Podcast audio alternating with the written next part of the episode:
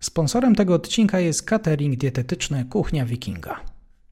Dzień dobry Państwu, dzień dobry wszystkim słuchaczom. Wielka przyjemność, e, oby częściej, oby częściej się spotykać. Ze mną po drugiej stronie jest podpułkownik rezerwy Maciej Korowaj. Maciej, ukłaniam się nisko, bardzo mi miło. E, witam Państwa, witam.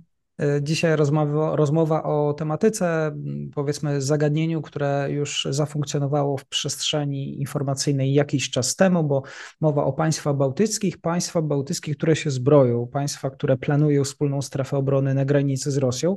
E, mam wrażenie, że to do doniesienia o setkach bunkrów na wschodniej granicy, na przykład granicy Estonii, to był taki dosyć zimny prysznic e, w kraju nad Wisłą. Tak przyjęliśmy te, te informacje na wyraz poważnie.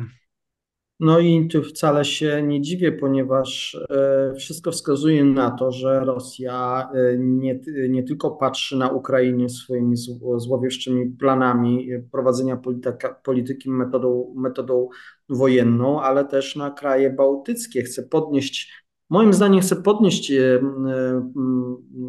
rozgrywkę na wyższy poziom bo Ukraina generalnie rzecz biorąc już nic nie produkuje mm, politycznego dla Rosji, jest tylko obciążeniem, więc trzeba znaleźć szachownicę, na której można coś wygrać i wygrać stosunkowo łatwo, ale ugryząc naj, naj, największego wroga w mhm. najsłabsze miejsce, a tym najsłabszym miejscem jest e, e, północ, a z kolei e, jest też jeszcze południe natowskiej flanki, która dosyć przychylnie patrzy na działania ros rosyjskie. Mhm. Niedługo, niedługo, będzie wizyta e, prezydenta Federacji Rosyjskiej w Turcji. E, e, tutaj kwestia Węgier, kwestia Słowacji też przecież jest na, na tapecie i tutaj pro rosyjskich zmian w, tych, w, tych, w, tej, w tym ostatnim kraju. Także tutaj tych zagadnień w sprzyjającym Rosji odtworzenia kierunku północnego i może wojna północna 2.0. Także tutaj może być coś, coś na rzeczy. Więc kraje bałtyckie, a szczególnie Estonia ze swoim dosyć sprawnym i bardzo wnikliwym wywiadem, jeżeli chodzi o kwestie rosyjskie, e, zwróciła uwagę, że trzeba ten potencjał tych krajów nie jest dla Rosji nie do przeskoczenia nawet w nawet y, mając pod uwagę zaangażowanie rosyjskie w, na Ukrainie. Oczywiście tam są jeszcze dużo problemów Rosjanie mają po drodze, żeby osiągnąć tą konsystencję wojska, która by odpowiadała um, stawianym zadaniom operacyjnym na tym kierunku północnym. Natomiast na pewno y, są problemy y, natowskie do obrony tego obszaru. Wejście Finlandii i ewentualnie niedługo Szwecji do NATO daje nam fajną możliwość posiadania Morza Bałtyckiego jako obszaru takiego operacyjnego, ale nie do końca, ponieważ jednak ta wojna na, e, w Ukrainie spowodowała duży drenaż możliwości armii e, natowskich, bo dużo zostało przekazane. Już sami my przekazaliśmy bardzo dużo ze swoich, ze swoich sił zbrojnych. Armia fińska to jest raczej armia obronna niż armia pro, projekcji siły. Tak samo armia szwedzka to też jest raczej armia obronna niż projekcja siły i pomoc w takim wymiarze wymiernym krajom bałtyckim. My też mamy swoje problemy swoje tutaj zagrożenia z obwodu e, królewieckiego czy Białorusi. E, po drodze jeszcze bardzo wąski, nieprzyjazny przesmyk suwalski, który kanalizuje e, ruch i można go bardzo łatwo bronić, ale też bardzo trudno się przez niego przemieszczać. Więc co zostaje Bałtom? To, co się sprawdza na Ukrainie, czyli budowa odpowiednich umocnień, ale tutaj jest pewne, pewne, pewne zagrożenie, bo żeby te umocnienia miały taki charakter naprawdę systemowy i, i mogłyby przeciwstawić się rosyjskiej ewentualnej agresji, to muszą mieć odpowiednią głębokość, tak jak to zrobili e, Ukraińcy, tak jak to zrobili też Rosjanie na Zaporożu, broniąc się przed ukraińską ofensywą. To musi być głębokość e, takiego systemu umocnień co najmniej 30 do 50 kilometrów, a nawet i więcej, czy te wąskie, małe kraje bałtyckie są w stanie wydzielić sobie taki pas terenu wzdłuż granicy z Federacją Rosyjską o głębokości 50 do 30 kilometrów? No to jest wyzwanie dla tych państw, e, e, bo trzeba pamiętać, że ten system to nie tylko e, nasadowe pol, miejsca, gdzie są jakieś bunkry, ale to już okopy, mhm. rowy, pola minowe, system cały ogniowy, rodem z I wojny światowej, a wiadomo, jak te, ten teren wyglądał. Więc czy kraje bałtyckie są w stanie wydzielić ze swojego wąskiego skrawka terenu taki pas, oddać to tylko i wyłącznie pod kwestie obronne? Też mam wątpliwości, więc on też nie będzie taki głęboki i też nie taki do, do nieprzeskoczenia, ale już jest, już jest elementem, który Rosjanie muszą brać pod uwagę. Chciałbym, żebyśmy może oczami wyobraźni zobaczyli te, te linie umocnień, linie obronne. To jest e, oczywiście, kiedy pojawia się hasło e, budowa instalacji obronnych, e, umocnienia na wschodnich granicach, rozwój współpracy rakietowo-artyleryjskiej. Może wyjaśnienie słuchaczom, jak właściwie takie struktury obronne wyglądają w praktyce. Widziałeś już wcześniej takie, takie obiekty, takie miejsca? No, widziałem takie obiekty y, w strefie ATO jeszcze, jak był y, pomiędzy y, jedną wojną a drugą wojną. Miałem okazję widzieć, jak to wygląda. Dlatego też ta strefa ATO jest taka ciężka dla walki dla jednej i drugiej strony. W tej chwili linia frontu tam jest najbardziej stabilna. Te zmiany frontowe przechodziły jak najbardziej, najmniej i też wymagają jak najwięcej ofiar.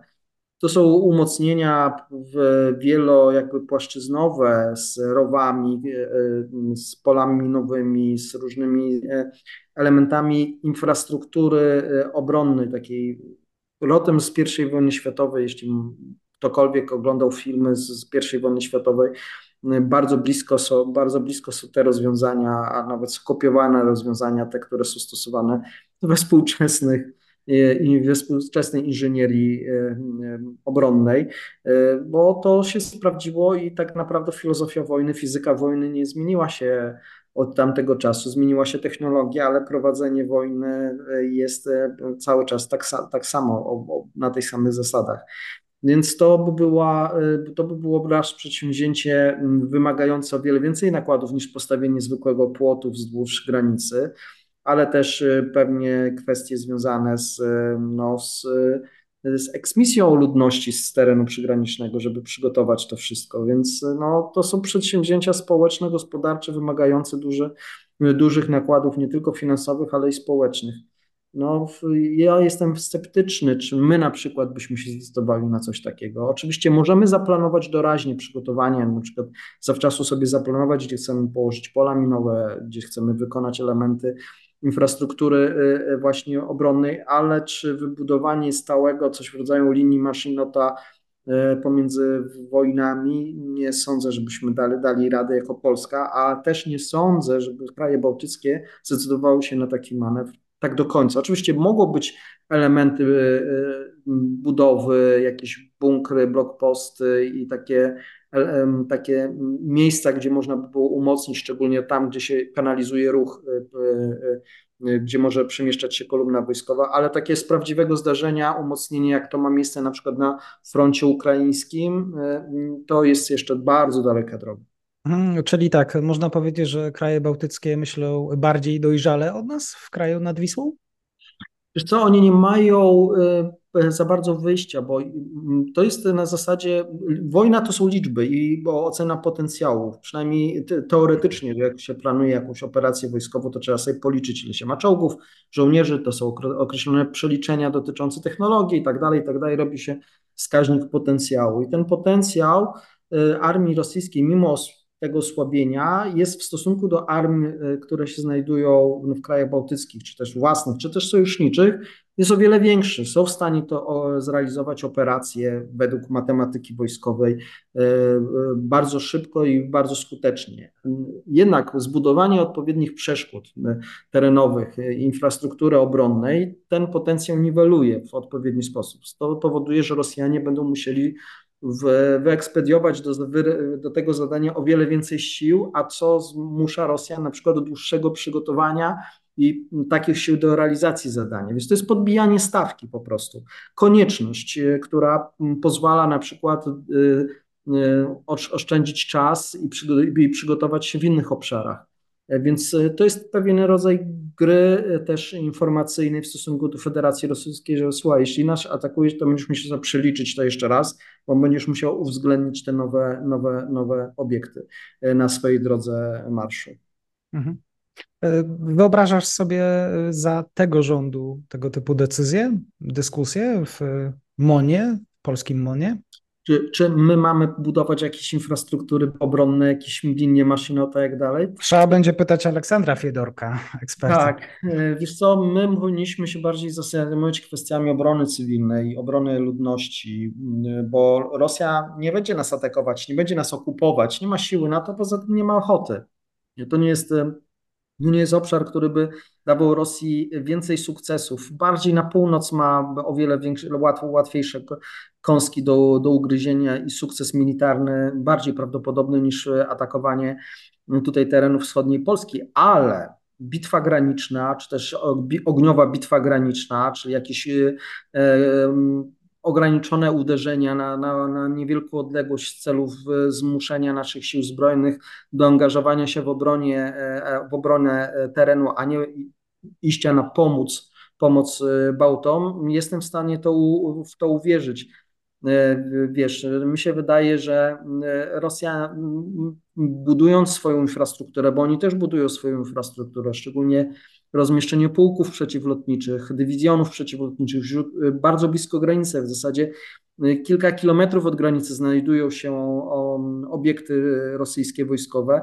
To nie są obiekty obronne tak naprawdę. One są specjalnie blisko granicy po to, żeby swoim zasięgiem obejmować część terytorium, y, które może być polem bitwy, y, na którym te elementy obrony przeciwlotniczej mogą tworzyć parasol ochronny czy nasze lotnictwo, czyli lotnictwo natowskie tak potężne sobie poradzi z, z, takim, y, z taką ilością systemów obrony przeciwlotniczej?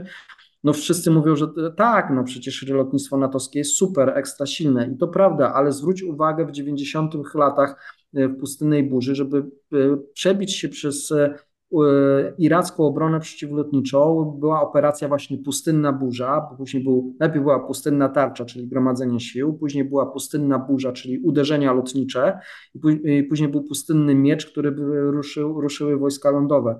To sama Pustynna Burza trwała ponad miesiąc, żeby zniszczyć elementy systemu obrony powietrznej irackiej. Więc wyobraź sobie, że jeżeli trzeba było przyjść na pomoc e, walczącej, walczącym Bałtom, to zanim e, byśmy się przebili przez ten cały system, e, wywalczyli sobie swobodę realizacji działań operacyjnych lotnictwem na tym obszarze, no to, to minęłoby, bardzo dużo czasu, a w tym czasie może już nie byłoby, byłaby już po wojnie, więc e, mówimy o dniach, może nawet godzinach w niektórych przypadkach, a nie mówimy o miesiącach i tygodniach walki, wywalczania sobie przewagi powietrznej. Mhm. To są e, wszystko kalkulacje, które trzeba brać pod uwagę. Tak, wspomniałeś o bardzo ważnym wątku. Wiceminister Obrony Narodowej Paweł Zalewski informował już, że w tym roku powstanie ustawa o obronie cywilnej, więc miód na twoje uszy. Tak, to jest bardzo poważne, ponieważ Rosja w doktrynie na przykład walki z nas, niektórzy analitycy rosyjscy przedstawiają bitwę z Polską właśnie w, obszarach, w obszarze powietrzno-rakietowym, artyleryjsko-rakietowym, żeby ostrzeliwać nas, nasz teren i nas e, tutaj e, e, głodzić w sensie takim siły, żeby nam redukować siłę po to, żeby nie mogli, żebyśmy nie mogli robić projekcji i pomoc swoim sojusznikom. Więc to są takie, takie wizje rosyjskie są przedstawiane. Tam żadna wizja nie mówi, że będziemy szturmować Warszawę albo bić się o Pragę warszawską. Także Tutaj y, jestem sceptyczny, znaczy potencjał sił lądowych musi być, bo nie, one nie są tylko potrzebne nam, ale mogą być potrzebne naszym sojusznikom. Natomiast inwestujmy w obronę cywilną, która będzie musiała mm, y, reagować na te uderzenia lotnicze, a te, i bronić esencji naszego społeczeństwa, czyli nasz, naszych ludzi, obywateli, a też rozbudowujemy przede wszystkim siły przeciwlotnicze i artyleryjskie, które mogłyby przeciwstawić się e, tej żelaznej fali, która by nas zalewała w ewentualnym konflikcie. Mhm.